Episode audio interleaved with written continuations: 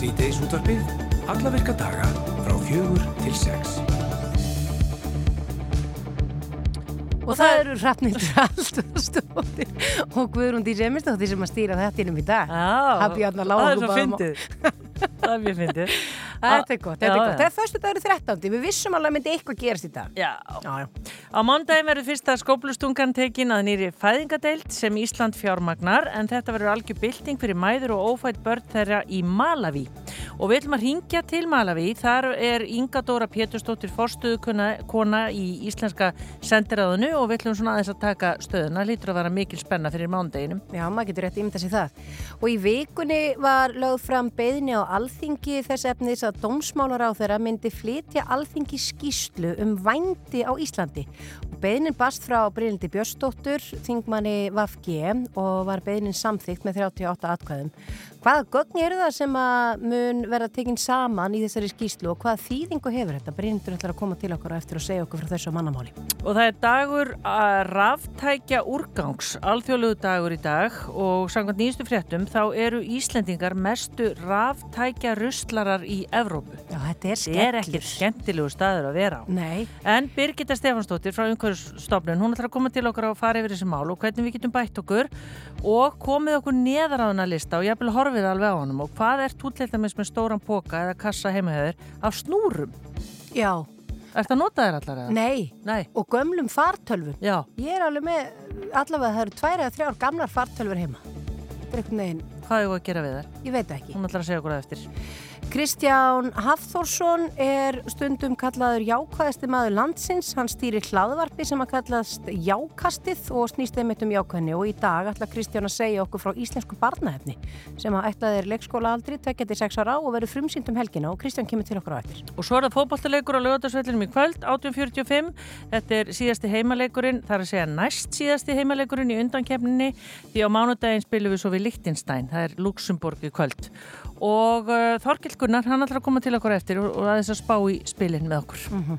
En við ætlum að setja okkur í sambandi þingvelli á eftir þar sem að Bendit Sigursson fréttamaður er stattur á samt þingmönnum sjálfstæðarklokks, framsvakanflokks og Vafg en þangað heldur stjórnarlega til fundar fyrr í dag með rútu og uh, fundi ætti held ég að vera ljúka núna þannig að við fáum einhver tíðindi að því hvernig þetta hefur allt saman gengið hérna frá honum Bendit og eftir en við ætlum að byrja á þessu hérna.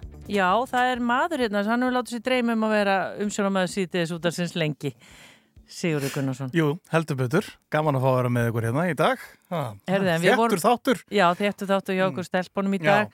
En þú varst að þvælast hérna fyrir okkur áðun og við vorum að veltaði fyrir okkur hvað þú værir eiginlega að gera. Þá sæstu vera að undirbúa uh, félagsheimil á morgun sem að verður aðeins með öðruvísi sniði. Heldur betur. Við byrjum sem sagt á lögadugum núna í september. Byrjum september. Breytum aðeins þættinum sem var alltaf á föstugum stittum hann og settum meiri fókus og lifandi tónlist og svo leiðis. Uh, og þar að leiðandi hættum við að taka símtölinu þáttinn sem var löngu búið að ákveða hann hittist þannig á að, að það var svona ákveðin upp og koma hérna í síðasta þættinu sem að síminn var opinn eins og kannski einhver muna eftir en við ákveðum semst að, að uh, fara aftur í rætunar og uh, vera morgun með galopin síman. Við ætlum að vera með síma tíma bara í félagsemilinu frá upphafi til enda og fá til okkar hérna fremsta trúbátor landsins og uh, mann sem er í mestu stuðhljómsveit landsins, uh, Magnús, heitir hann Magnús Kjartan og er forvegismæður stuðlabansins og maður hann að bak við brekkusöngin eigum núna. Og hann ætlar að vera hérna morgun með gítarinn og sko við ætlum að setja áskorun fyrir hann að, því hann kann öllu í heiminum að hlustendur geta bara hringt inn og sagt mér langar að heyra Leila með Eri Klafton og þá verður hann bara að skella í Leila með Eri Klafton Skemmtilegt. Já. Þetta ættu nú hlustendur ás að kannast við síðan að sníklabandi var og svona. Já, þetta er smá svona óður til sníklabandsins hann, hann verður hérna með okkur morgun og svo ætlum við að vera með hrósvikuna, reyna að vera jákvæðir og, og taka svona stöðun á, á landanum og sjá hvort að gamlir fastalustendur sem að ringdu alltaf inn uh, heyri okkur á morgun Guðrún í blokkinni sem er á, á sjöndu eða áttunda hæð í breðoltinu og horfir alltaf yfir og fylgjast með hvort hún ringi ekki og, og fleiri Já, þið hafa náttúrulega svona kannski aðeins mist tenginguna við hlustundur Einmitt. við það hafa ekki símatíma. Akkurat. Þannig að það kemur þá væntilega á morgun. Já, það verður vonandi bara stuð strax eftir hátegisrættir á morgun og eins og segja, þetta er, það liggur mikið við þannig að ég er að undirbúa bara hérna, tengja snúrur og græða og gera Mhm. ha, það- og bara afsakið ég var fyrir ykkur Nei, nei, alltaf allt í lagi, Siggi minn, þannig Já, að og bara, þú veist, heiður að fá að vera með hérna, ég seti fyrir fjögur en Já. gaman að fá að koma hérna inn og vera með ykkur Já, takk, stelpur. takk fyrir komuna. Já, Og bara félagsemilið, áfram félagsemilið strax eftir hálfdegi svo til á morgun. akkurat.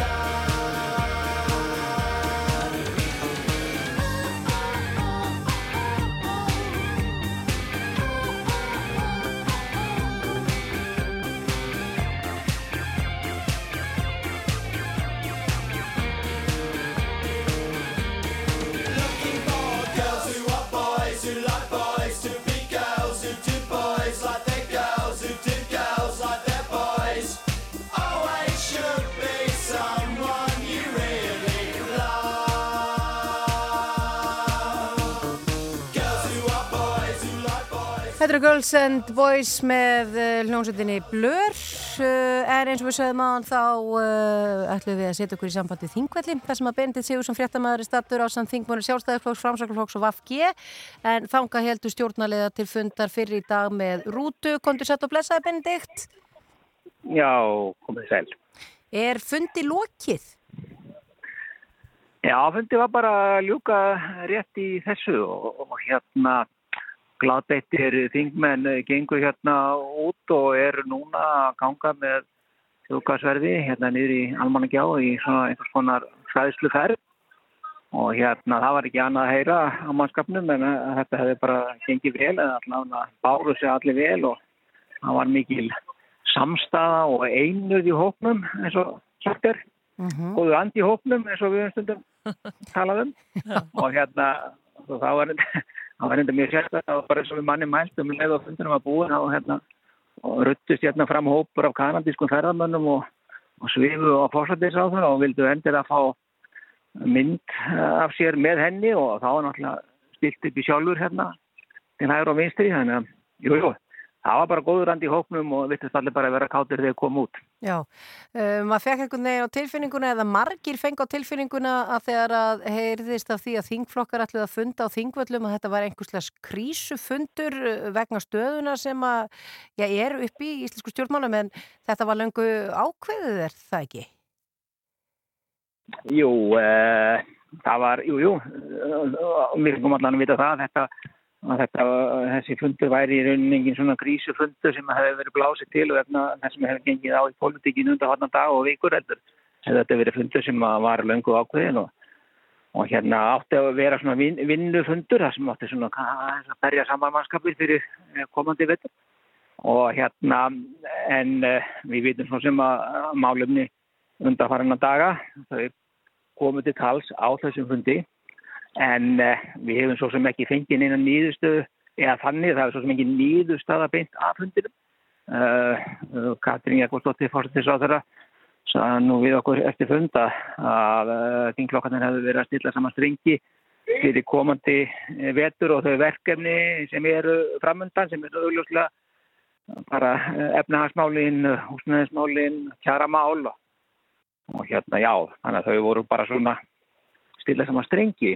Já, ætli Bjarni Ben uh, hérna hafi verið búin að fá fréttir af könnunni sem að var uh, gerð, þar að segja þar sem kemur fram að 70% landsmanna vilja hann hætti alfarið í ríkistjórninni.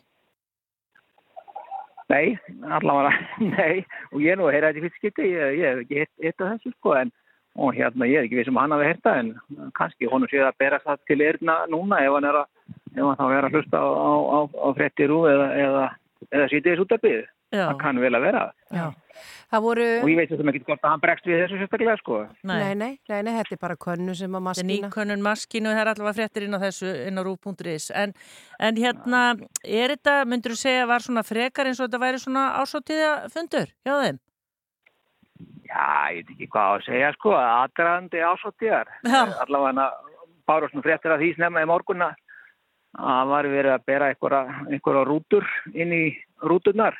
Já, og einhverju sögður reyndar að framsóknumenn hefði farið þar fremst í flokki, ég veit svo sem ekkert um það en það er svo sem annan, annálaður gleðimenn og, og hérna en um, svo hefur reynda líka sagt að það hefði komið í hlutverk að það hefði komið í hlut þingflokksformana að setja saman lagalista. Ég reyndar ekki sín eitt svona söng hefti ríkistjórnarnar hér á lofti en, svo átt að, svo átt að, víst að vera gítarsláttur en þetta er allt saman óstafestar allt óstaðfesta fréttin en það getur svo sem vel verið. Já, en mér skilst nú reyndar að, nú sé rútan að fara með alla mannskapin í hveragerði og, og þessi góði andi hann verður hann verður öglónin bara vínandi þegar þanga kemur já, menn hljóta náttúrulega að opna rúturnar og, og, og fá sér eitt kaldar. Framsökkamönnum þykir nú ekki leiðilegt að syngja, þannig að, og, og ég ætla ekki að segja um þykir svopingóður, en það er allavega, maður verður engi verri söngmaður fyrir að fá sér eina litra dós. nei, nei, nei, skal og syngja skall fyrir yngar og allt það sko en, en það er alltaf engin að taka með sér heila rúti í rútu bara til þess að fara með hana hérna gullnæringin eða, eða part af honum eitthvað hlýtur að eiga að gera við alla hennar bjóð Já. Já, En ætlað þú að fylgja þeim til hverja gerist eða hvernig verður það, Benedikt? Tja, það getur nú bara vel farið svo. Ég, ég er nú er búin að fylgja þeim alveg hérna frá morgun stund og, og við hérna blada á þetta menn búin að sýta hérna á hörðum bekk á þingullum, þingullum og, og býða eftir þeim og hérna og það er kannski spurningum að maður bara ljúki í kvöldinu í gleð og söng með, með, með ríkistjórninu og, já. og stjórnarflokkanum, hver veit. Það hljóma vel. Benedikt Sigursson, fréttamaður, okkar stattur á Þingvöllum. Við ætlum ekki að tæfa það lengur. Takk fyrir að vera á línni hjá okkur. Takk, þess. Já, það verður gaman að kannski er það að fara heim til dómsmálaráðara. Á hún ekki heima í hverja gerist? Já, nú, nú vorum við bara farin að Við erum þetta að fabulir hefum með hluti sem við hefum ekki hugmyndum.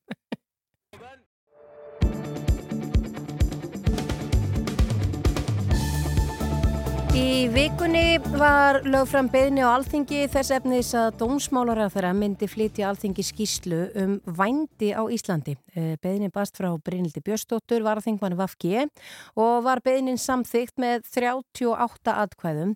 En hvaða gögn eru það sem að munu vera tekinn saman í skýslunni og hvaða þýðingu hefur þetta? Brynildur er hinga komin, kontur sæl og blessuð. Já, sæl og blessuð. Já, og bara til hafmingi með það að þetta var samþygt. Já, takk fyrir. Takk fyrir. Ef þú svona kannski segir okkur á, aðeins frá þessu á mannamáli, hva, hvað erum við að tala um þarna? Um, við erum að tala um uh, að, uh, já, hvað skal segja, að árið 2009 þá var innleitt hér í, í sérst, var, var lögleitt, eða sérst, hvað maður segja, þá var gerð breytingar í lögum í sambandi við vændi, þar sem að vændiskaup eru lögbrot en vændissala er leifð. Um, þetta var gert 2009 og það hefur raun ekki verið gerð neinn úttekt á því hvernig þessi lög hafa reynst. Og það er kannski svolítið það sem að hérna, er mikilvægt að skoða. Og þá til dæmis í því samhengi bara hversu margir dómar hafa fallið, hvaða refsingar eru, eru, eru fyrir hendi fyrir, kaupend, fyrir kaupendurna.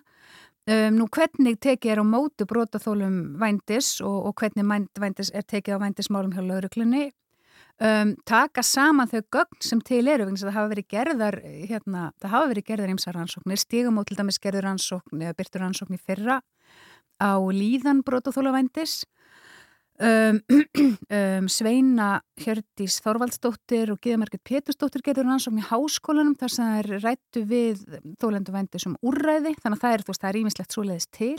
En það er kannski mikilvægt að, að taka þetta svolítið saman hérna, þú veist, og hverjir eru gerendurnir eða sem sagt hverjir eru þessi kaupundur sem, við, hérna, sem eru náttúrulega frumforsenda allar eftirspurnar?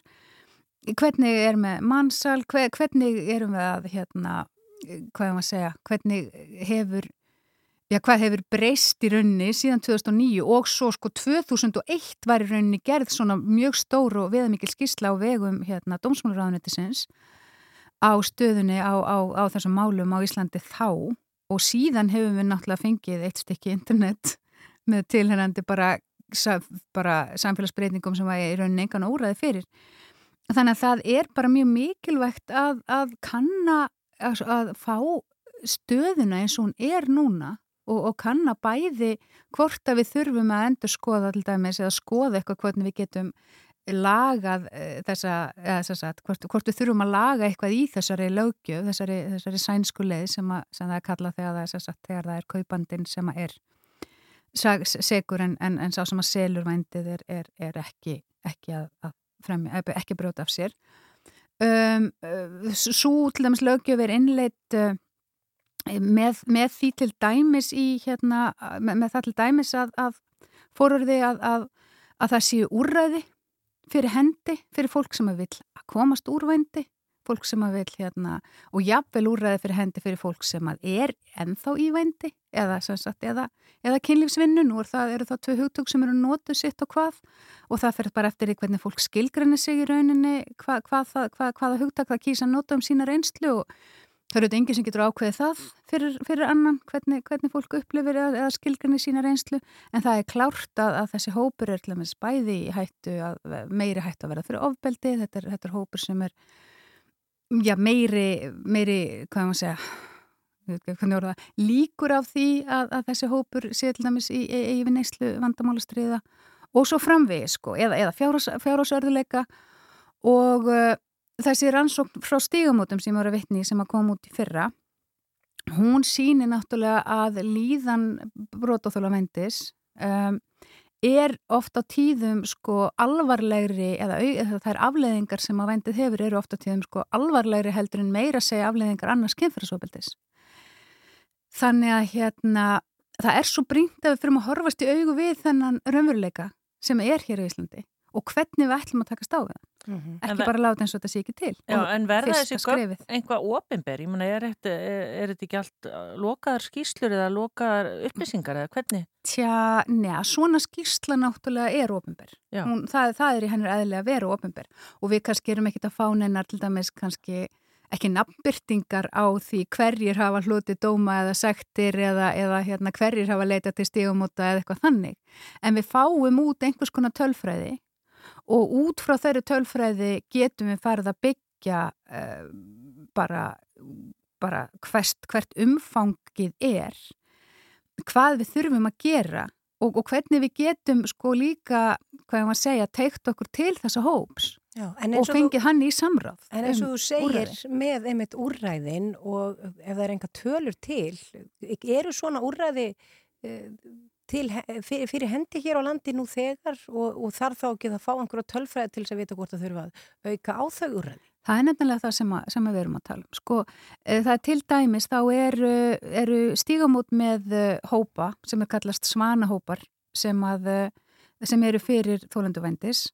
Þeir eru held ég árlega sem er, er hóað saman í eitt slíkan hóp og langir bygglistar í, í þá hópa og það er bara vegna þess að það er bara, ég menna stigumót eru náttúrulega að sinna svo gríðalega fjölbreyttu eh, starfi og hérna og, og, og þyrtu í rauninni að, að fá, fá miklu meiri, hvað ég má segja, eða þú veist, ég myndi allavega að segja það, þeir þyrtu að fá meiri stuðning inn í, inn í þennan tilteknum málaflokk eða, eða, eða einhver þyrtu að fá, sagt, fá, hérna, fá umbóð til þess að vinna með þessum brótaþólum í, í hérna að, að þeirra málum. Um, en auðvitað náttúrulega, eins og ég segi tölfræði er það sem að leggja grunninn að því að við getum síðan farið næsta skref inn í áallanagerð og, og bara hvað Sagt, að hvað við getum gert fyrir hann hóp og hvernig við eigum að gera það. Og það var til dæmis um, ég nefndi svanahópana annað var að það var stopnaður sjóður sem hétt Kristinarsjóður og tímabili var ég vel starf, var starfrætt hús sem hétt Kristinarhús þar sem að hérna sem var nefnt eftir Kristíni Gerði sem að hérna var þólandi vændis og, og, og sagði sögur sín og sagði hann er meðalans rækin í myndin lóð mér að falla. Um, það, það var á tímabili þá var bara atkvarf, sambarilegt við hvenna atkvarfið eh, fyrir, fyrir konur sem hafðu verið í vendi og voru með vendisreynslu og hérna og svo lagðist það af vegna fjárskorts og uh, ég held svona miðað við að því nú skrifaði ég bókum um, um, um vendi í fyrra sem heit vennilega konur. Og miðað við svona það sem að ég, þau viðbröð sem ég hef fengið í kjölfarið á henni þá er miklu, eru miklu, miklu, miklu fleiri einstaklingar í þessum sporum að, að vera að selja vendi á Íslandi heldur en í rauninni sko nokkrar ofnbæra tölu segja gefa upp eða óra fyrir. Og við verðum að, að taka á mótu þessum einstaklingum þar sem þeir eru stattir og uh, jú, bara eitt sem að mætti, eitt sem að svona skísla geti skila væri til dæmis það að búa til ferðlæna lauruglunar hvernig að tekja á móti fólki í vendi Annað er að ferðlarinn hilsugjastlunar mögulega, þú veist hvernig tökum við á móti manneski sem að, sem að þú veist sem að hérna, þarf sérhafa hilsugjastlu af þessum sökum.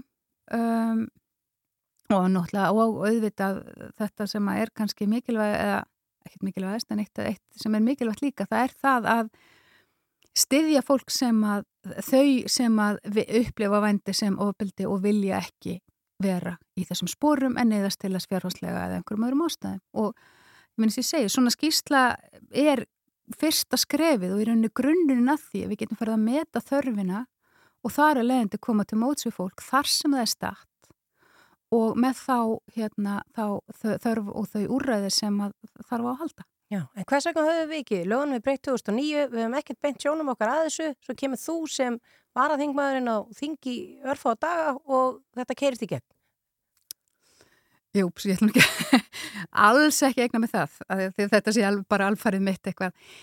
Um, en við þurfum hljóttum að þurfum að opna umræðinu. Já, já, við þurfum, opna, já, við þurfum klálega að opna umræðinu og það er kannski líka einmitt sko að, að hérna, að ég veit ekki, kannski hefur ekki verið, verið neitt sem að steg sem hafði þannan hvað er það að segja? Séðin í þennan heim? Já, eða bara já, þessi einsýn og þannan áhuga einhvern veginn og ég eh, sagt, er, fekk þessa beini frá þessum frá konunum sem eru í bókinni sex, sex konur sem ég tók viðtölvið í bókinni vennilega konur og það breytti minni sín alltaf þannan heim og mínum hugmyndum á mjög miklu leiti líka vegna þess að ég var ekki meðvituð um korki allskins afleðingar sem að vendi getur haft fyrir þá sem að verða fyrir því og ekki heldur bara umfangið og, og hvernig og, og, og það sem að, já, og eitt af þess að komið mest á óvart það var þessi úttækt uh, þessi þess að það sögðu um þá sem að, sem að kaupa vindi, sem að eru náttúrulega eins og bæði, eins og í bókinni segja bæði fulltrúar stígamóta og fulltrúar bjarkarlíðar uh, og svo konundan sjálfar að náttúrulega eftirspurnin er það sem knýr þetta áfram.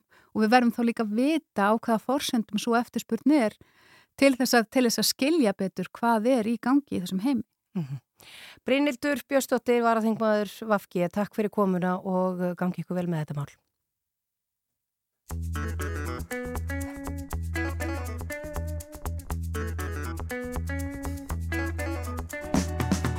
Þótt ég sigli um sjá, þótt ég slái með ljá, þó að allt sé á tjá. Þá ég ánægju á, ást og hamingi þrá, ljúft er lífið mér hjá,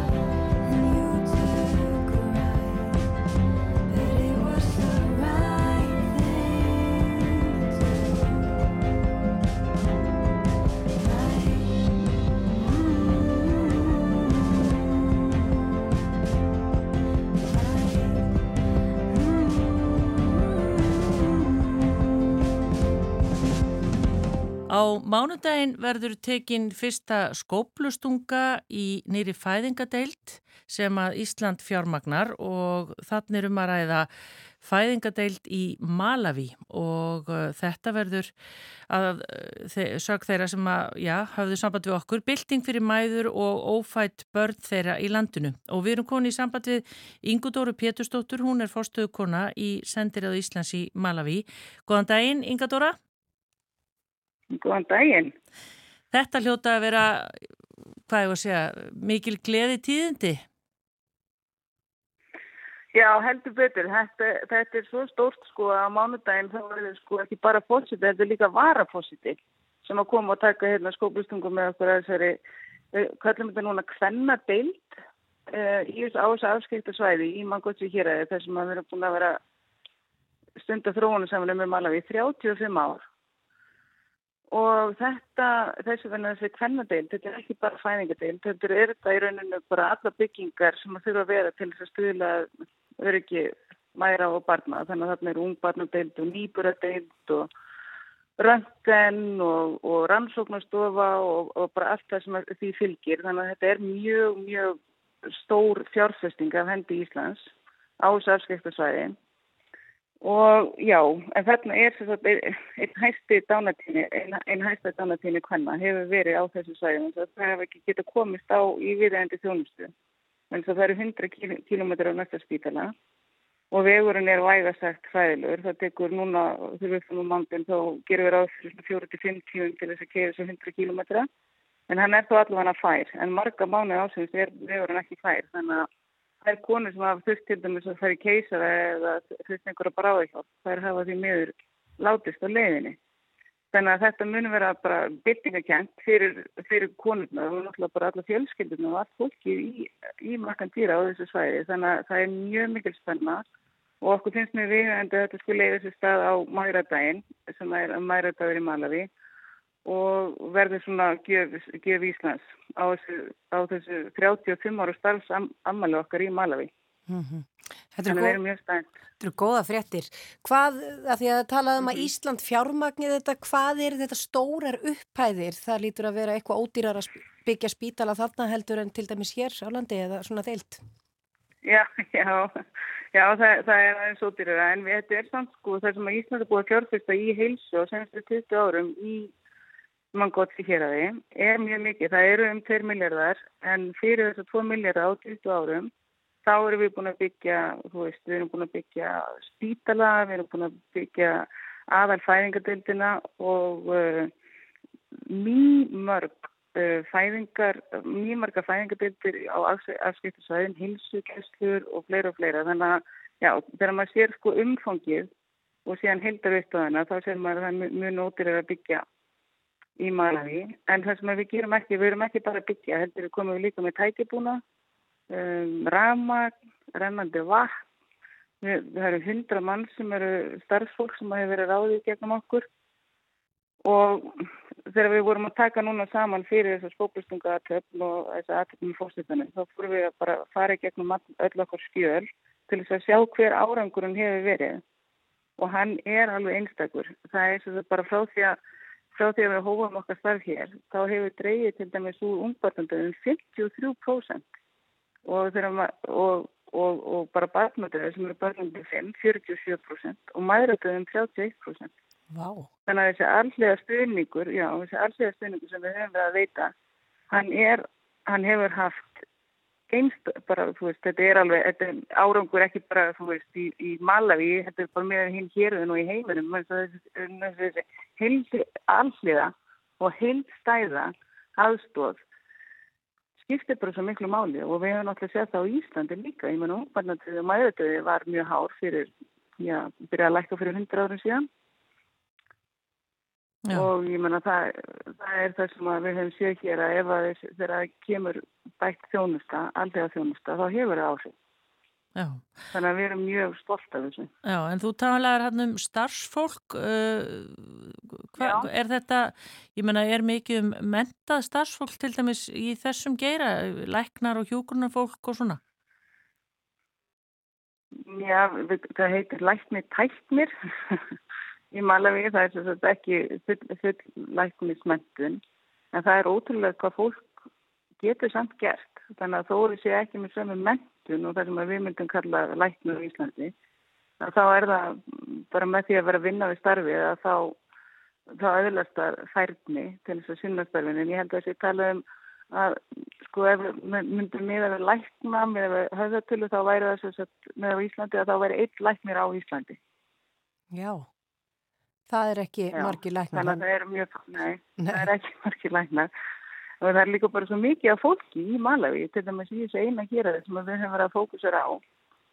Það er 1,4 miljónir manna sem að búa þar.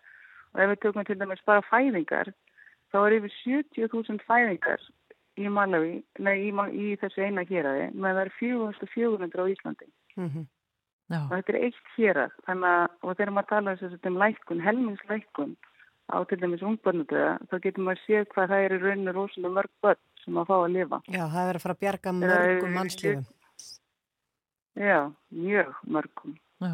Og svo sjáum við það náttúrulega líka manlega að þegar móðið deyr, þá erum við alltaf deyja frá fimm börnum. Þannig að það hefur náttúrulega mjög mikil áhrif á, já, náttúrulega á börnum og fjölskylduna og bara allir þeirra, þeirra uppvakstar ár. Já, fyrsta skóplustungan tekin á mánudaginn, hvað er gert ráð fyrir að þetta taki langan tíma? Við ætlum að vera mjög best sín og vonum að vera bara orðin starffæði eftir eitt ár. Já. Allir yðnaða menn bara býða tilbúnir? Já, þeir eru reynda komnur og svæðið og eru, eru að leggja fyrstu steinana og eitthvað svona. Gera, eru bara tilbúinir að fósitin mæti og þá byrja þeir að vinna. Já. Það er, búið- fólk er búið að býða eftir þessu mjög lengi þannig að það er, það er mjög mikil spenna fyrir þessu. Já. Bæði hjá fólkinni í Makandýra og bara í Malawi. Einmitt að þú, hérna, Inga Dóra, búin að vera þarna núna, hvað sagður mér síman máðan? Samtals að verða fimm ár? Já, ég er búin að vera þrjú ári þessari stöðum svo var ég hérna í tvö ár fyrir, fyrir 15 ári síðan. Þannig að já, ég er búin að vera fimm ári í Malawi. Allt í allt. Já, og það er vantilega bara vegna þess að þetta er gefandi starf eða hvað? Já, og svo er bara Malawi indislegt land. Það er, fyrstulega er bara alveg ofbúslega fallegt. Fólki þarna er dásamlegt. Þeir kalla þetta svona Afrikafólki kynnes. Þau er allir svo ljúfur og yndislegir. Og já, og það er bara svo fjölbreytt náttúra og síðan er náttúrulega bara skemmtilegt í heima að vinna eitthvað starf þar sem maður sér svona árangur. Sem að maður getur séð það með tiltölu að litli fjármagni þá, þá bara gjör byltir það samfélagum. Það er náttúrulega, það er náttúrulega bara, já, mínum að ég get ekki verið betra að stöfi. Já, ég eh, er allavega viss um það að þeir hlustendur sem hafa heyrt þetta og eh, að það sé verið að byggja þessa fæðingadeild þarna og þetta er fjármangað á íslenskum skattgreðendum, þeir fara að sofa með hlíti hjarta í kvöld. Já, ég vona það. Ég vona það. Við me- mega bara alveg, bara, og, við, og við finnum bara þakklætið hérna. Og Ísland er alveg sko- stórasta land í heimi í Malawi. Það veit allir hvað Ísland er og eru mjög þakklætið fyrir, þú veist, rausnarlega stuðningi gegnum árin, 35 ár. Frábært. Inga Dóra Pétursdóttir fórstuðukona í sendiræðu Íslands í Malawi til hamingi með þessi tímamót og uh, bara gangi ykkur vel með þetta allt saman. Takk fyrir kjærlega, gaman að heyri ykkur. Sömuleiðis, Takk, bless, bless. Bless. Þú ert að hlusta Á síðdeis útvarpið á Rás 2.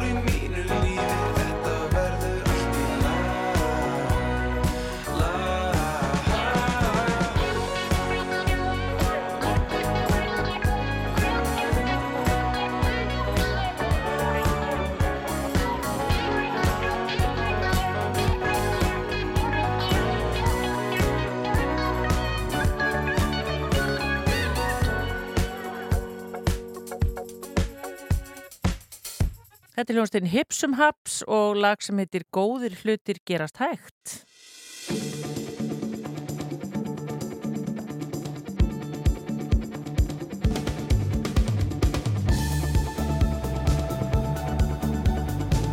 Já, það var ánægilegt að ræða venna Ingudóru Pétursdóttur sem er fórstuðukona í sendiræðun í, í Íslands í Malaví. Man er svona hlýnaði svolítið um hjartarættur. Þetta var svo ótrúlega indislegt verkefni sem er verið að fara í þarna. Já, það er einhvern veginn líka þannig að þegar fólk hugsar, já sumir þegar þeir hugsa um að það sé verið að láta þetta hjálpa starfsegi í þróunarastöðum menn viti ekkert hvert peningarnir fari Nei. hvað er enda á endanum og þess vegna þykir sum þetta skrítið að vera eyða fjármennum í þetta en þarna vitum við nákvæmlega hvert þetta er að fara og uh, já, er til betri staður en fæðingar deilt og, og, og spítalar og svona ég held ekki, sko. Ha? Hvað sá hún þetta með einn lækni? Það er, ef við myndum setja læknismenta fólk í Malaví miða við höfðatölu þá var það eins og að væri einn læknir á Íslandi. Já.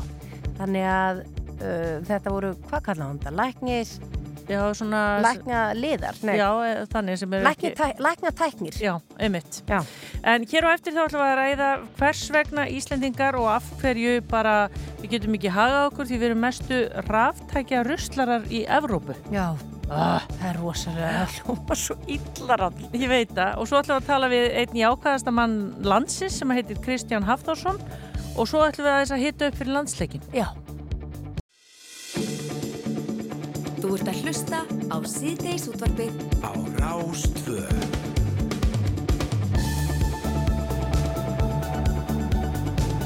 Áfram öldum við.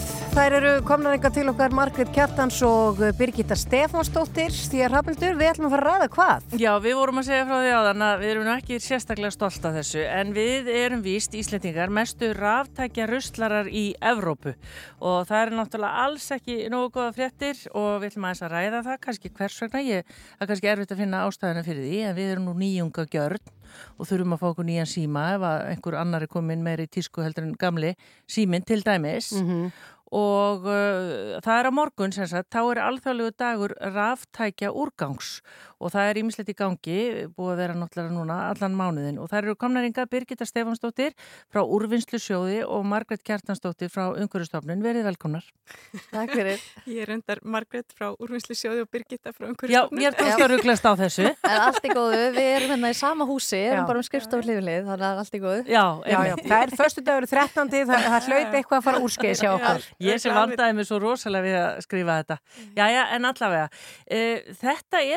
bara daldi sláandi fréttir að við skulum vera þarna alveg bara mestu sóðar þegar kemur að ráftækja ráftækjunum okkar og ruslinu sem því fylgir.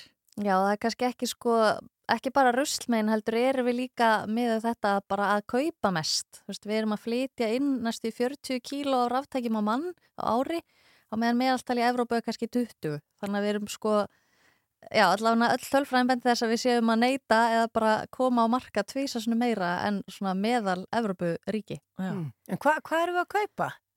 hvað er við ekki að kaupa? Það er náttúrulega breyst ótrúlega mikið neyslu minnstur bara. Það er ótrúlega mikið bara af þessum, þetta er svona sem við hugsaum um dagstælega, kannski bara þessi símar og tölfur og headset og eitthvað, svo er svo ótrúlega margt sem við áttum okkur ekki á því eru ráftæki og sérstaklega í þessum litlu ráftækjum, þá eru bara að tala um ammæliskort sem syngja, rafrettur sko, ég er að kapna yfir einhverjum svona földum ráftækjum í batnaherbygginu heimi hjá mér. Hmm. það eru 75 mismunandi bækur sem syngja lög, það er púsl sem að búa til eitthvað dýra hljóð það er eitthvað svona litlir bílar sem að gera eitthvað, eitthvað bibu, bibu hljóð, það er ótrúlega mikið af ráftækjum sem við áttum okkur ekki á að séu ráftæki, sem Já. við erum umgangast eins og þú segir bara að þú barnið fyrir til tannlæknis og það fær velun og það er kannski batteri í velunum þannig að það ortu komið með er raftæki. ráftæki, já. En hvað hérna, þú veist, erum við búin að vera þetta, er, er þetta yfir langt tímabili, höfum við alltaf verið þarna, eða hvernig er það? Já, við erum náttúrulega, sko, svona í dag það sem ég er búin að skoða er náttúrulega helst bara svona undanfarið, en ég held samt sko það sem við erum að setja á markað eins og við kallum það, það er bara mjög svipa bara síðustu tíu ár, þá erum við að setja þarna á milli 35 og 40 kíló. Þannig að já, ég held að þetta er ekki, þetta er ekki nýjar sláandi frettir, eitthvað svona núna í fyrsta skipti, heldur er þetta bara við erum búin að tróna tóknum held ég svolítið lengi og með Noregi sem við byrjum okkur mikið saman við þar erum við bara hérna rosalegir rosalega neyslufrek og líka miklu ruslarar í rauninni sko. Já. En Margrét, hvað verður um þetta allt? það er nú það. Það er hérna, það skila sér nú kannski svona, já, betur hjá okkur heldur en meðaltalega heiminum held ég. En því að það er, það er ekki nema 17% yfir heiminn sem skila sér. En þetta fer náttúrulega, þetta eru dýrmætti málmar og, og dýrmætti efni og góði fréttin er það að, að hérna, það er hægt að endurvinna ráftæki og það skiptir rosalega miklu máli að þeim sé skilað. Ekki bara við drögum úr neslinu og kannski hérna, slökum aðeins á með jólakortin og allt þetta sem þurfa að syngja fyrir fólk og svona og kannski bara einbyttum okkur að þessum ráttækjum sem eru okkur til hæðarauka og við viljum alls ekki sko, við getum ekki hugsað okkur lífið án þeirra þannig að þau eru nú jákvæð líka það við séum með ráttæki því að hérna, þau hjálpa okkur en það er bara svo mikilvægt að vera ekki að geima þau heima hjá sér þegar þú ert hægt að nota þau og, og hérna heldur að koma þeim á réttan stað annarkvort að einhver annar geti notað þau eða þá að, að þau fari í endurvörslu. Já, og við erum meiri sér að tala um snúrur. Já. Að henda þeim nú ekki í rusli. Já. Ég, Ljósaperur, við sjáum að sapnast, það er mjög léleg söpnun á Íslandi í ljósaperum til dæmis. Já. Alveg bara, já. Það er eiga bara alls ekkert að fara í neina af þessum tunnum sem við Nei, erum það getur líka verið kvikasel og alls konar. Náttúrulega í ráftækjum almennt, eða er að enda með bara þessum blandað úrgang sem þú veist að setja í svörtutununa, þá ferða í urðun mikið af því og þá erum við líka að missa sko alls konar mengurhermi nýri í jarðveginu nýri veist, eins og bara í perum er oft kvikasilur og það er fullt af þungmálmum og alls konar efnavöru í ráftækjum þannig að það er ein af ástæðinu fyrir að koma þeim í söfnun en hitt náttúrulega bara það er ótrúlega verðmætti málmar eins og margir segja, það er bara silfur og gull og kopar og alls konar sem er ótrúlega sko, það er bara peningilega verðmætti að koma þessu áfram í rauninni. Svo getur nú verið hættulegt líka. Ég man á einhvern tíman að ég var með eitthvað svona krakkadót inn í herbyggi sem maður átt að segja á sér ráttæki en það er kannski batteri í því. Þú veit maður ekki fyrir að það fara alltaf inn að bulla bara út úr batteríinu og þetta getur bara verið varasamt að geima þetta allt heima.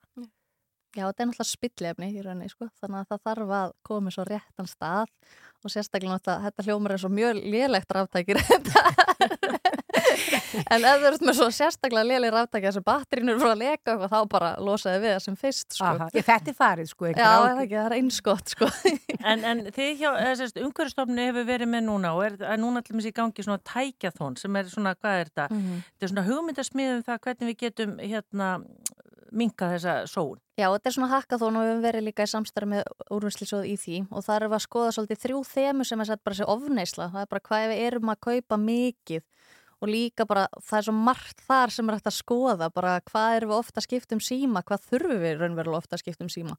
Þegar þú skiptur um síma, ertu í rauninni að fá mikið betri gæði á nýja mótili, það ertu í rauninni svolítið bara fylgja tískunni Þannig við erum svolítið að skoða svona ofnæsli hlutan og svo hvernig við getum aukið viðgerða menningu. Það er náttúrulega líka, bara alltaf því ég fyrir með eitthvað viðgerð þá er mér sagt að þessi ódrerar fyrir maður að kaupa eitthvað nýtt. Þú veist, það þarf að breyta því, Já. það þarf að auka aðgengi, það þarf að minka kostnaðin við það og líka bara að þessi auðveldra taka tækin í sundur og allt þetta. Þú veist, það er mjög mikilvægt. Og svo þriðja maður er þá flokkun endurvinsla. Bara hvernig við getum komið þessu ef þetta þarf raunverulega, það þarf raunverulega að kaupa þetta, það þarf raunverulega að losa við þetta þá þarf það að enda í hérna réttum farvegum. Mm. En hvernig kemur úrvinnslu sjóður að þessu? Úrvinnslusjóður náttúrulega hérna sér um það að, að greiða til þeirra aðila sem að sjá um söfnuna og koma þeim í endurvinnslu, tækjónum þar að segja. Og úrvinnslugjaldinu sem er greitt er að ráttækjónum er ráðstafað í það. Þannig að þetta fari í réttan farveg. Mm. Er einhver sem að endurvinnur ráttæki á Íslandi? Nei, þau eru öll seld úr landi. Já. Þetta er mjög svona sérhæð vinsla og kannski bara erum við mögulega ekki nógu mörg þó að við kaupum svo mikið ráttækjum til þess að sé kannski alveg praktist að við séum að endurvinna þig. En hins vegar eru einhverju sem er að, að hérna, gera við þau og, og hérna, gera þau tilbúin til endur nýtingar sem er náttúrulega jákvæmt líka. Já. Þegar þó að sími minn sé kannski ekki duði ekki fyrir mig, þá getur vel verið að hann duði fyrir sko badnið sem þar bara geta ringt í mömmu eða Ömmit. Já. Og ég sá allir með þess að fjölsmiðan að þeir eru að taka þá í sundur tæki til þess að flokka enn betur, er það ekki? Jú.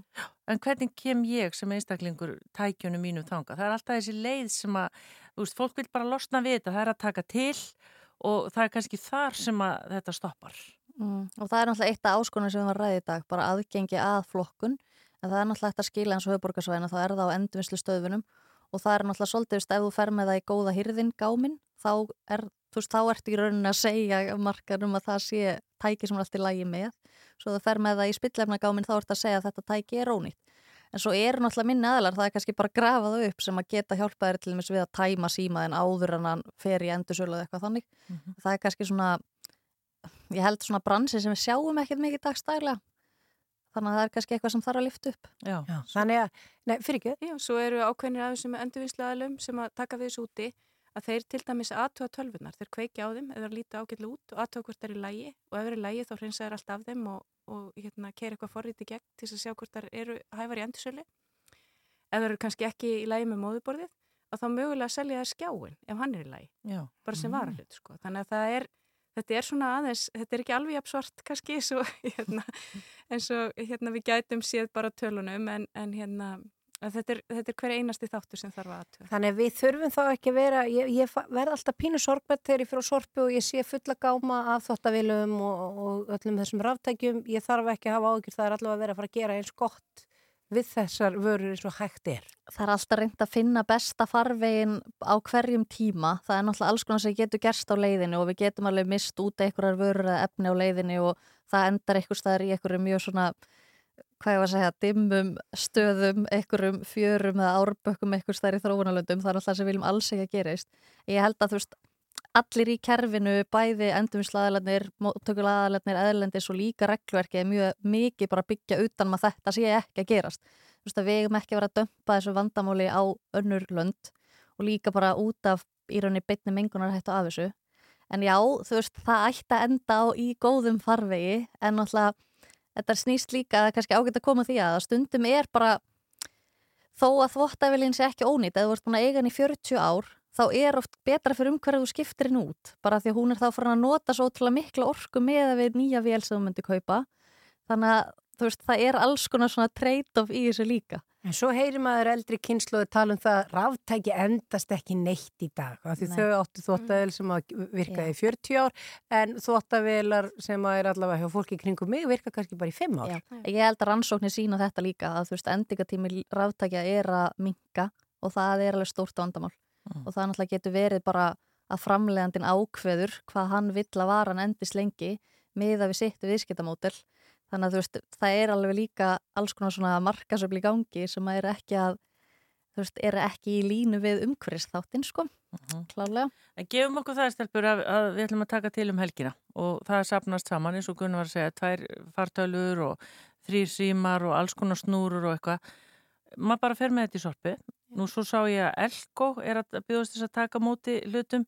Eh, er eitthvað fleiri staðir sem að fólk geti eins og dæmis bara út á landi það er veintalega endurvinnslu stöðvar allstaðar á landinu. Ég held, já, endurvislistöðu sveitafélagana, SSZ, bara það sem er tekið á móti úrgangi, eru með hérna, yfirleitt flest allar með ráttækja úrgang. Svo eru mjög margi seljendur, aðrir heldur en Elko, Já, sem eru einnig að taka við. já, Eh, bara til að gera þetta ennþá skemmtilegra, sko, hérna, þá er svolítið skemmtilegt bara til þess að átta sig líka á neyslinni fyrir fjölskylduna, ef það er sérstaklega svona veður eins og núna, skrifiði niður hvað þið haldið þið finni mörg ráttæki, farið svo að leitið, aðtöku hvað ætla að gefa mörg skósunni í endan, þú er ekki að gefa að setja söðu döð öll í endurvisluna en ég get lofa ykkur að tala mér margvöld herri heldur en það sem ykkur datt í huga að setja nýra blað. Já, ráftæki sem, sem eru heimilum sem við já. erum kannski ekkit endilega að nota. Já. Fjársjóðsleit. Teljið, teljið ráftæki. Já, þetta er áskorun. Ég, ég held að maður er þið allan dag. Já. Það er líka bara frá baðherbyggjum, út kemur eitthvað rakvel og Já, það er tampusti, það er hitamælir, þú veist, þetta er endalust, sko. Þannig að bara eitthvað vantar eitthvað til að halda böttunum ykkur upptæknum alla helgina og bara verðlun fyrir þann sem finnur flest ráttæki. Þetta er frábær hugmynd fyrir þreytta foreldra. En nú ætla ég að afkynna þetta rétt. Það er Margret Kjartansdóttir frá Úrvinnslusjóði og Birgitta Stefansdóttir frá Umhverfistofnun. Stórglæslegt. Það er þetta ekki frábært hjá Þetta mér? var bara algjör Nobelin. Já, takk fyrir komuna stelpur og nú verðum við ekki aftur þessu, í þessu sæti og þessum lista Já, já. næstu við tölum saman. Takk, fyrir okkur. Allt það helsta. Síðdeis útvarpið Frá fjögur til sex á Rástvö.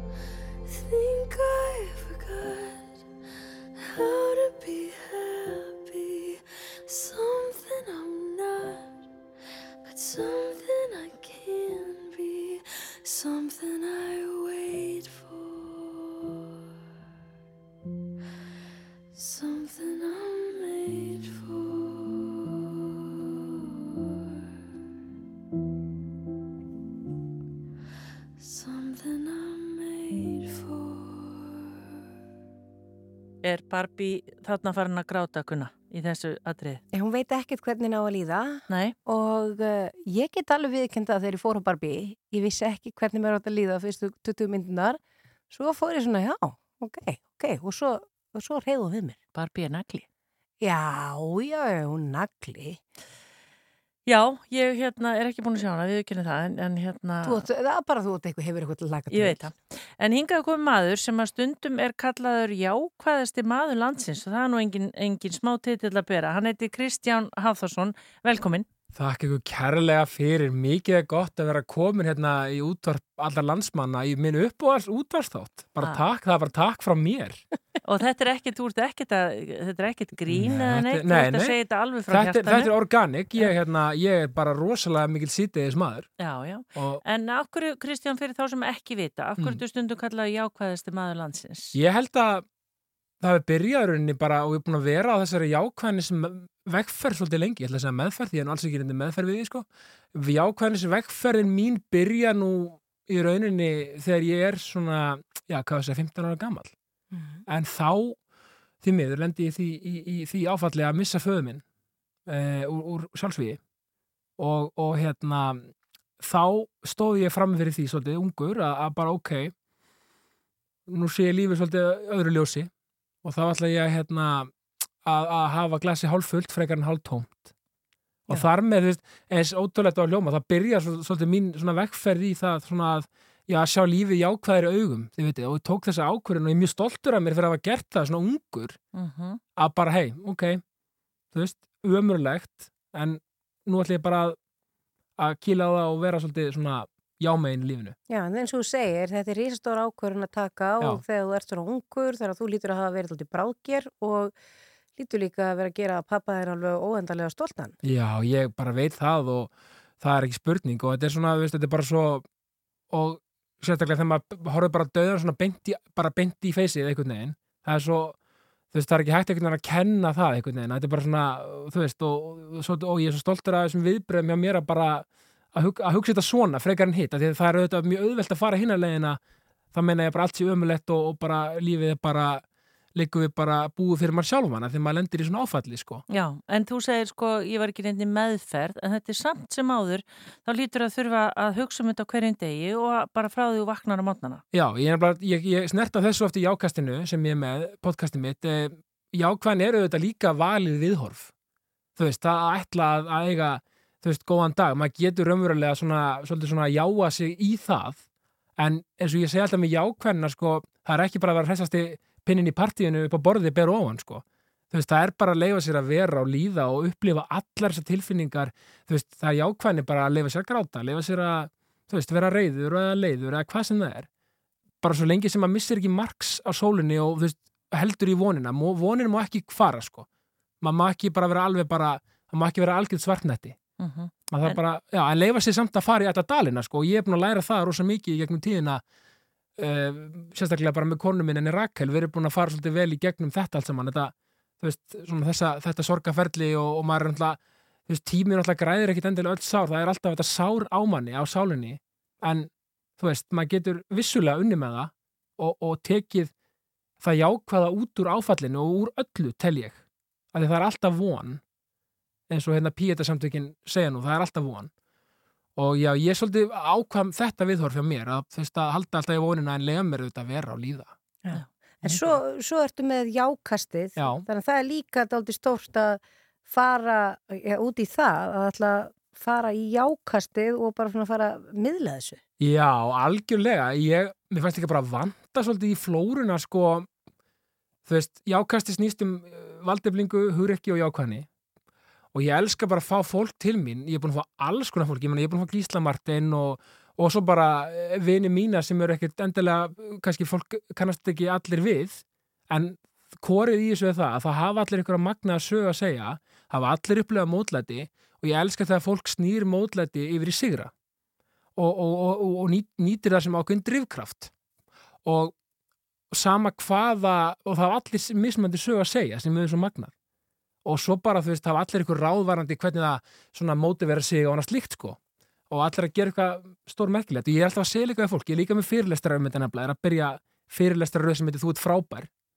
Bara ekkert flóknar það. Mm. af því að það eru allir svo magnaðir, við erum alls svo hæfileika rík og mögnuð. Og stundum það bara að segja það við fólk, sérstaklega langar við til að fara úlingastig til dæmis í grunnskóla og tala við úlinga til dæmis, láta það bara vita hversi krakkar eru mögnuð og frábær tala ekki um á þessum síðust og vestu það sem er svolítið mikið um svona samfélagsmiðra nótkunn og svona, svona svolítið já, tokki þrá þessi vinnum, ég var nú í góða viðtali á, hérna, á bylginni og var að tala um þetta Mhm. einmitt, hvað þetta er orðið kannski svolítið mikið vandamál það er bara að segja fólki hvað það er magnað sko. Já, og við erum kannski svolítið að einblýra stundum á einmitt uh, það sem fer ekki vel, þannig að Já. það er kannski einbytta sér líka því að segja krökkum hvað þeir eru magnaður og, og, og tækifæri. algjörlega og okkur öllum bara því að við erum svo, þú veist, það er aldrei á seint ég líka alltaf að hérna, tönglast á því, það er aldrei á seint fyrir neitt. Þú veist, ef maður vil vera leikari maður er kannski orðinn fertur eða eitthvað ekki bara, þú veist, go for it. En munur er kannski sá að, að forsendurnar er oft öðruvísi fyrir fólk sem er kannski 19 ára og er að bara, þú veist, að bara ekki hefur næða tíma, kannski ekki með húsnæðislán og fjölskyldu og annað slíkt, sko þá bara þarf hann sem er fertur kannski bara að vinna aðeins meira á kvöldin eða eitthvað slíkt þegar allir eru sopnaðir eða eitthvað, eða þið veitir, þetta er svona mismandi forsendur í fólki Já. En Kristján, nú ert að beina sjónuðinum að yngsta aldursóknum Já. og þú ert búin að gera sjó, hérna, barnaefni fyrir sjónvarp. Já, fallega leikskóla hópnum mínum sem ég, mér er svo kæri því ég er með sko fjóra og fimm ára heima og já, barnaefnið öndina kvítutá, hún kom svona, hún bara var til á mínu heimili að sem hérna, ég var alltaf að segja börnunum þessa sögu af þessari önd sem var rosalega hugurökk, jákvæð og dugleg og svona í þessum aðstæðum sem börn finnir sig í eins og læknis heimsókn, am og afi fara bókasafnið og annars líkt sko og við, ég, við ákveðum bara að gera þetta, taka þetta einu skrifu lengra og ég sagði við hrapptinu dóttur mér, hrapptina, hvað á öndin okkar að heita? Hvítatá, sagði hún beint, ég sagði að sjálfsögðu og rosa svona organik hvernig það kom, hún bara sagði þetta bara. Hvítatá? Hvítatá, hún, það var bara ekkert, hún er náttúrulega ekki minna hvítatá eða neitt öndin sko. Nei, nei. hún er bara svo ven, alla venjulegar endur en, en, en eh, mér finnst það bara svo frábært þetta, þetta barslega sko ímyndunarafl og, og, og þessi kreativitet, mér finnst það alveg frábært. Já, og er þetta teikni, teiknimynd eða hvernig er Já, þetta? þetta, þetta er teiknumynd Já. uh, Sérst, núna serið 2 er að koma á sunnudaginn á stöðu 2 og stöðu 2 plus uh, og þetta er sérst já, teiknum serið sem Auðun Bræði Kjartansson uh, minn, minn uh, samstarfsfélagi gerir hann ótrúlega frábæra fallega myndheim og bara gerir þetta eins og herfóringi og ég er með handrið og sögu svo er hún Vala Eiríks hérna út á skona sem talar fyrir alla karterna þannig að hérna, hann má segja, hún sé svona, svona að reyna, að hún er svona að koma svona, eins og Latti var alltaf fyrir strumpana sko. Já. hún tala fyrir alla hérna sko. þannig að- að Latti sko, er komið nýr aðli hérna sko. Já, og Nei, er, nei, já. er jákvæðinin þarna? Er hvítatá, er hún jákvæð önd? í Hvítatá er önd sem er pínu feimin en hún finnur svona alltaf svolítið hugrekkið í hlutunum og, og hún með jákvæðni og, og le, að leðaljósi þá finnur hún svolítið hugrekki að að hérna svona kýla á það og, og, og þessi seria nummið tvö, hún er svolítið, ein, svolítið ég er svolítið einblinn á leikskólan þar bara þáttur sem þetta er leikskólin mín dóttir mín lendi því að, að vinkorunar skiptum leikskóla og það er náttúrulega fylgið því svona smá svona auðvitað smá svona Það getur verið erfitt. Það getur verið erfitt og ég skrifaði þátt um það þegar Sandra, besta vinkuna kvítutar, skiptur um leikskóla. Uh, það kemur ný strákur á leikskólan sem heitir Farid sem er já, aðeins öðruvísin hinn er endurnar og þá kemur að því það sem ég elska í börnum, það er bara, það er aldrei neina fordómar í, í, í, í börnum, það er bara öllum tekið, allir bara velkomnir og ekkert vesen. Og við fullunda fólki mættum alveg taka okkur þetta til fyrirmyndur, ofta bara, bara vera svolítið opnið fyrir öllu, sko. Mhm. og, og, þann, og, og, og þú veist, og svo er hérna lendi kvítatá í smá svona áflugum á leikskólanum að hún fyrir stein í hausinn og, og þá þarf að leysa það með, með jákvæðni og svona að leiða ljósi og allt þetta. Og hérna, svo eru umferðareglurnar og þetta er svona, þú veist, þetta er bara þetta eru þryggja mínuna þættir og, og svona en, en gerist margt á þessum þrejum mínútum. Já, Já. Þetta er meiri háttar, þannig að þetta er að hefjast á sunnudaginn, ný seri að koma út og vantar þetta að finna eldri seríuna bara á, á vodinu Já, já, hún er bara hérna í næsta bæ við hliðina á. Já, Hm. fyrir leikskólaböld á aldrinum tekja til þessu En hvað jákastið, því þú eru Já. búin að kveiki mörgur núna sem að hugsa, ég er hann bara til að hlusta jákastið Já. árið fyrir að sofa í kvöld Jákastið sko, maður það er, það er bara öllum hlaðvarpsveitum og bara það sem er hlaðvarp, það er jákastið. Já. Þannig að jákastið þetta er bara, og, og, og þú veist, bara eins og segi, segursögur og svona, þú veist, og, og bara, þetta, þetta, sko, þetta er bara stráng heiðalegt. Þú veist, lífið er ekki, þú veist, alltaf gaman og lífið getur bara verið drullu umlegt og leiðilegt stundum og það er allt í lagi. Mhm. Maður á bara að leifa sér það. En aftur, með vonina af opni, missa ekki margs af voninni og þú veist, bara ef það er eitthvað djúpu dalur, þá bara mæli ég mig að hlusta á jákastið og heyra allar sem magnuðu sögur. Ég kom með 108 þætti, þannig að það er úr nóg að taka. Það er þetta að velja, það verður lengi verið maður við að hlusta á það Nei, og bara láta allir vita hvað eru frábær. Aldrei gleyma því. Nei. Kristján Hafþórsson, jákvæðasti maður landsins, takk fyrir að koma til okkar í síðdeis. Við förum brosandi hérna út eftir. Ekki, það er ekki hægt að vera fúll núna. Takk Mín- fyrir komuna. Mín er öll á neðan,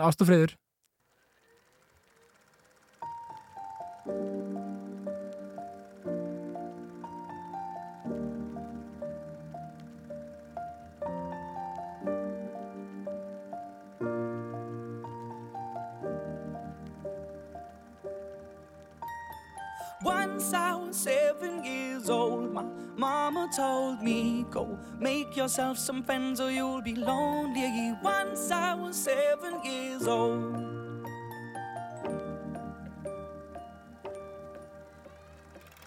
It was a big, big world, but we thought we were bigger. Pushing each other to the limits, we were learning quicker. By 11, smoking herb and drinking burning liquor. Never rich, so we were out to make that steady figure. Once I was 11 years old, my daddy told me, Go get yourself a wife or you'll be lonely. Once I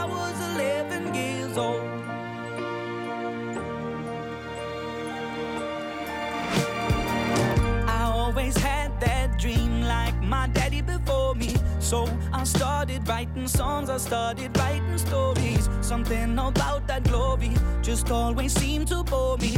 Cause only those I really love will ever really know me. Once I was 20 years old, my story got told. Before the morning sun when life was lonely.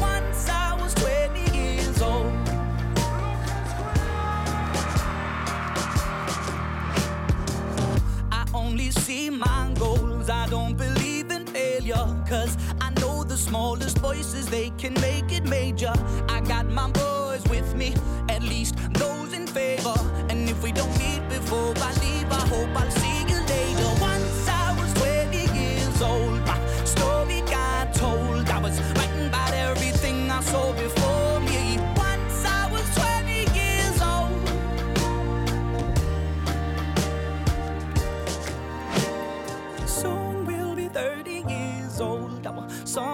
been sold. We've traveled around the world and we're still roaming. Soon we'll be 30 years old.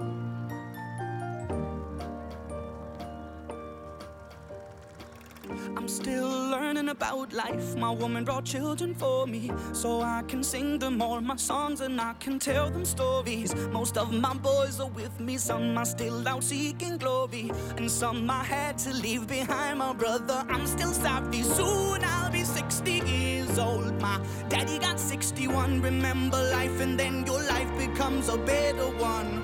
I made a man so happy when I wrote a letter once. I hope my children come and visit once or twice a.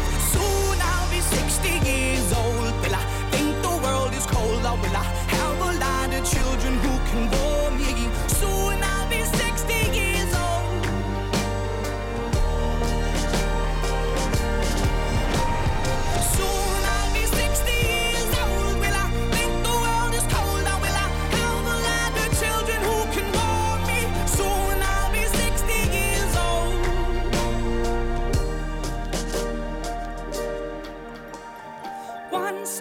seven years old, mama told me, Go make yourself some friends or you'll be lonely. Once I was seven years old.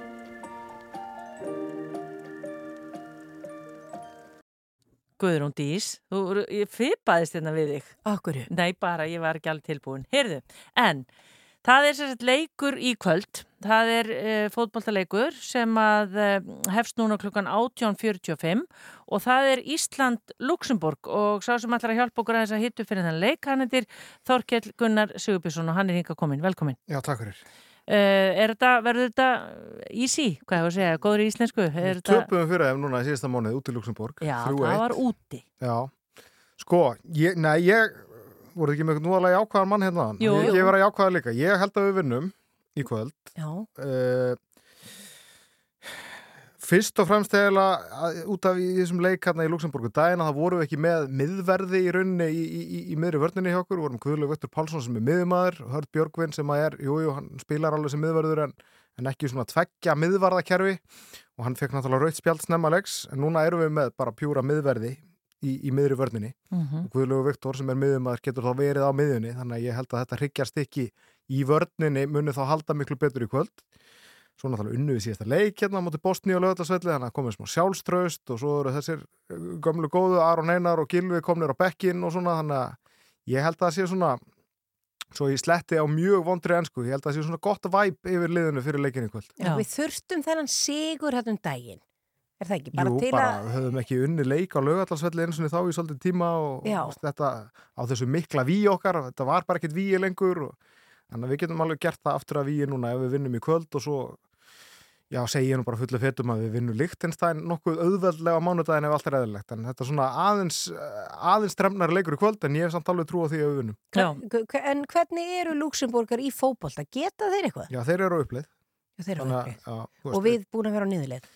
Já, þannig að veist, við vorum svona kannski að mætast þarna einhvers staðar á miðri leið þarna í síðasta leik en svo náttúrulega, veist, vann allt með þeim og, og, og allt einhvern veginn á mótið okkur og þeir unnu bara þann leik mjög sangjant íslenska leið var bara mjög lélegt í þessu leik hann út í Luxemburg en, en ég svona, þeir eru mikið búin að tala um hemd og svona í aðdraðanda leiksins þannig að ég bara hef einhvern veginn ekki trú á neina öðru heldur en við vinnum en, en margir af þeim sem ég hef talað við í dag þeir svona horfa frekar í jafntefli en Já. ég, ég nefnum, nefnum Nei, þú ert jákvæður, þannig að þú, þú segir að við vinnum. En, hvað, ég, ég meina, maður hugsa sko, nú er hérna, erum við ennþá inn í því að komast áfram í, á EM. ég meina, er þetta byrjar ekki núna hérna reikningstæmið? Já, sko, við erum bara með 6 stig Já. eftir 6 leiki, fjóru leikir eftir. Og það eru tvö efstu liðin í svo reyðli sem komast áfram. Portugal er búið að vinna alla sína leiki og ekki eins og fengi á sig mark. Þannig að þeir bara vinna hennar reyðil Þeir eru með hvað mjög stig það? á, átján stig af átján mögulegum.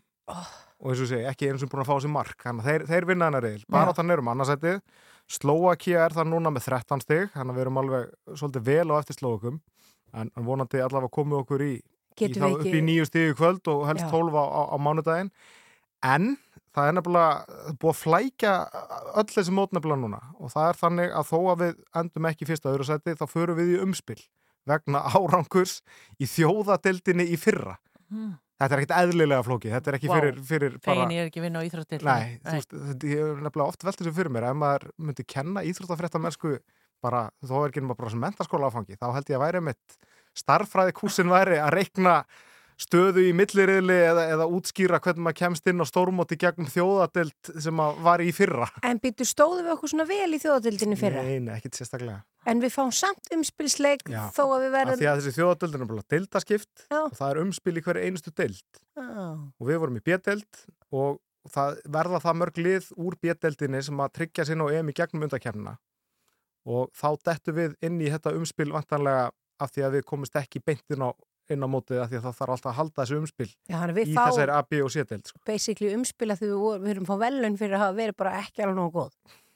Já, Gunna, manstu jákvæðin? Já, já, þú, þú, jú, jú, þú getur alveg orðað þannig Já, en við erum á uppleið.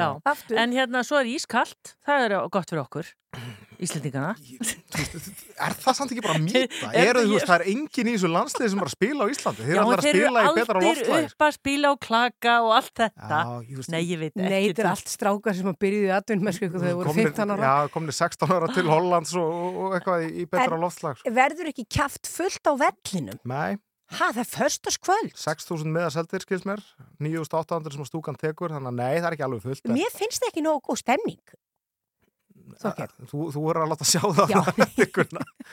Nei, mér finnst að við hefum að vera fyl, drífa Já, okkur já, á þetta er, þetta er alltaf og- koma, það er nú bara stutt síðan það voru bara nánast engin á, á, á vellinum þetta svona náði náttúrulega ákveðinu lágpunti í, í, í öllum þessum stormi sem að var í kringu liðið núna fyrir tveimur áru síðan Já. og, og, og þetta er svona, þetta er að glæðast allt saman aftur núna og, og, og, og svo bara sjáum við til hvað, eru bara verður. einhverju núna að snúa pizzadegin og elda heima og hugsa bara, heyrðu, krakkar, förum bara á vellin. Já, einmitt, en hann er í opnið dagskrá, stöð 2 sport Já. og Gilvi með. Hann er á bekknum og spennand að sjá hvort hann kom inn á ég, ég hef tilfinningu fyrir að hann kom inn á þessu leik bara spurning hversu marga mínútur hann spilar Já. 10-15, það er ekki fínt Já. Tökum við vikingaklappið. Já, Já, tökum það bara eftir, þeir eru bara búin að setja lægi á, á fónin Já. Takk fyrir komuna Þorgill Gunnar og áfram Ísland.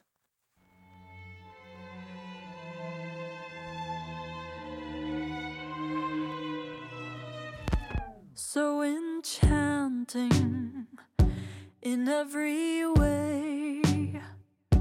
It's everlasting every day. Sweet obsession, rose bouquets. Oh, it's heaven, or so they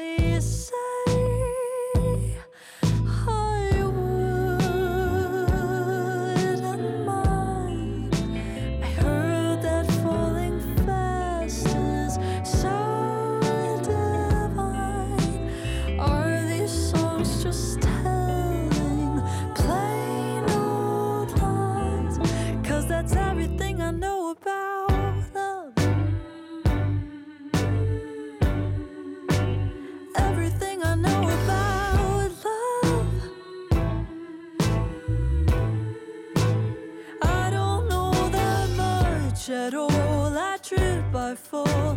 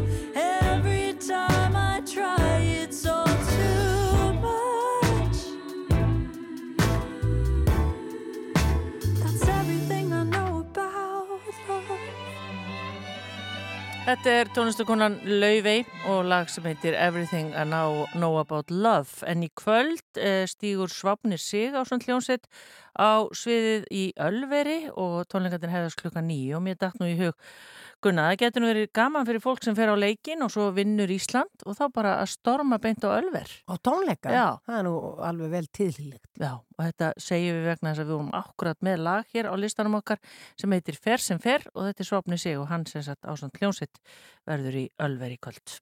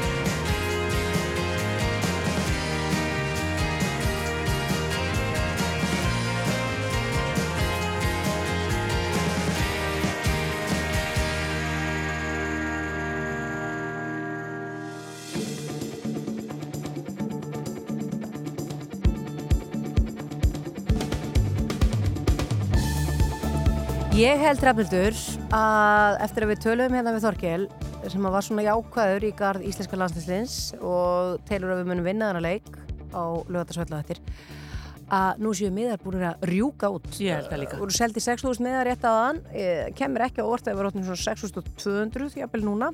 Já. Eh, Fjórum myndum eða einhverjum fjórum átta myndu síðar. Fólk hafi bara fengið sko auðvitað ferja á leiki. Já, það er þurft úti, það er kallt en uh, flest eigum við ágetis uh, búnað til þess að klæða okkur í. Já. Þannig að, já, já. En við erum bara komnar eiginlega út á enda hérna hjá okkur í dag og við bara minnum auðvitað á Daskrar Ásar 2 og það að félagseimilið er í betni útsendingu hér á morgun. Þeir Siggi Gunn og Friðrik Ómar verða hér og taka mútið símtölum mm Mhm. 5, 6, 8, 7, 2, 3 ef þið viljið eitthvað vel ykkur lagið að tala við þá bara. Já, þeir taka móti óskalög. Já, svo óskalögin auðvitað vera með hérna brekkusöngvaran. Hversu frábært er það? Geggjað. Ha. En hérna, við verum síðan aftur bara með ykkur á mánudaginn og þá komið ný vinnuvöka og ný ríkistjórn og nýr fjármálar á þeirra og ég veit ekki hvað og hvað og Ísland búið að vinna og allt að gerast. Það verður reysastór helgi. Það verður, já, eins og þú segir, bladamannafundur á morgu klokkan 11 sem verður vantilega síndu hérna rúf, þannig að við fylgjum með því líka. Nefnir það. Takk fyrir alla vikuna, heyrumst á mánudaginn. Bless, bless.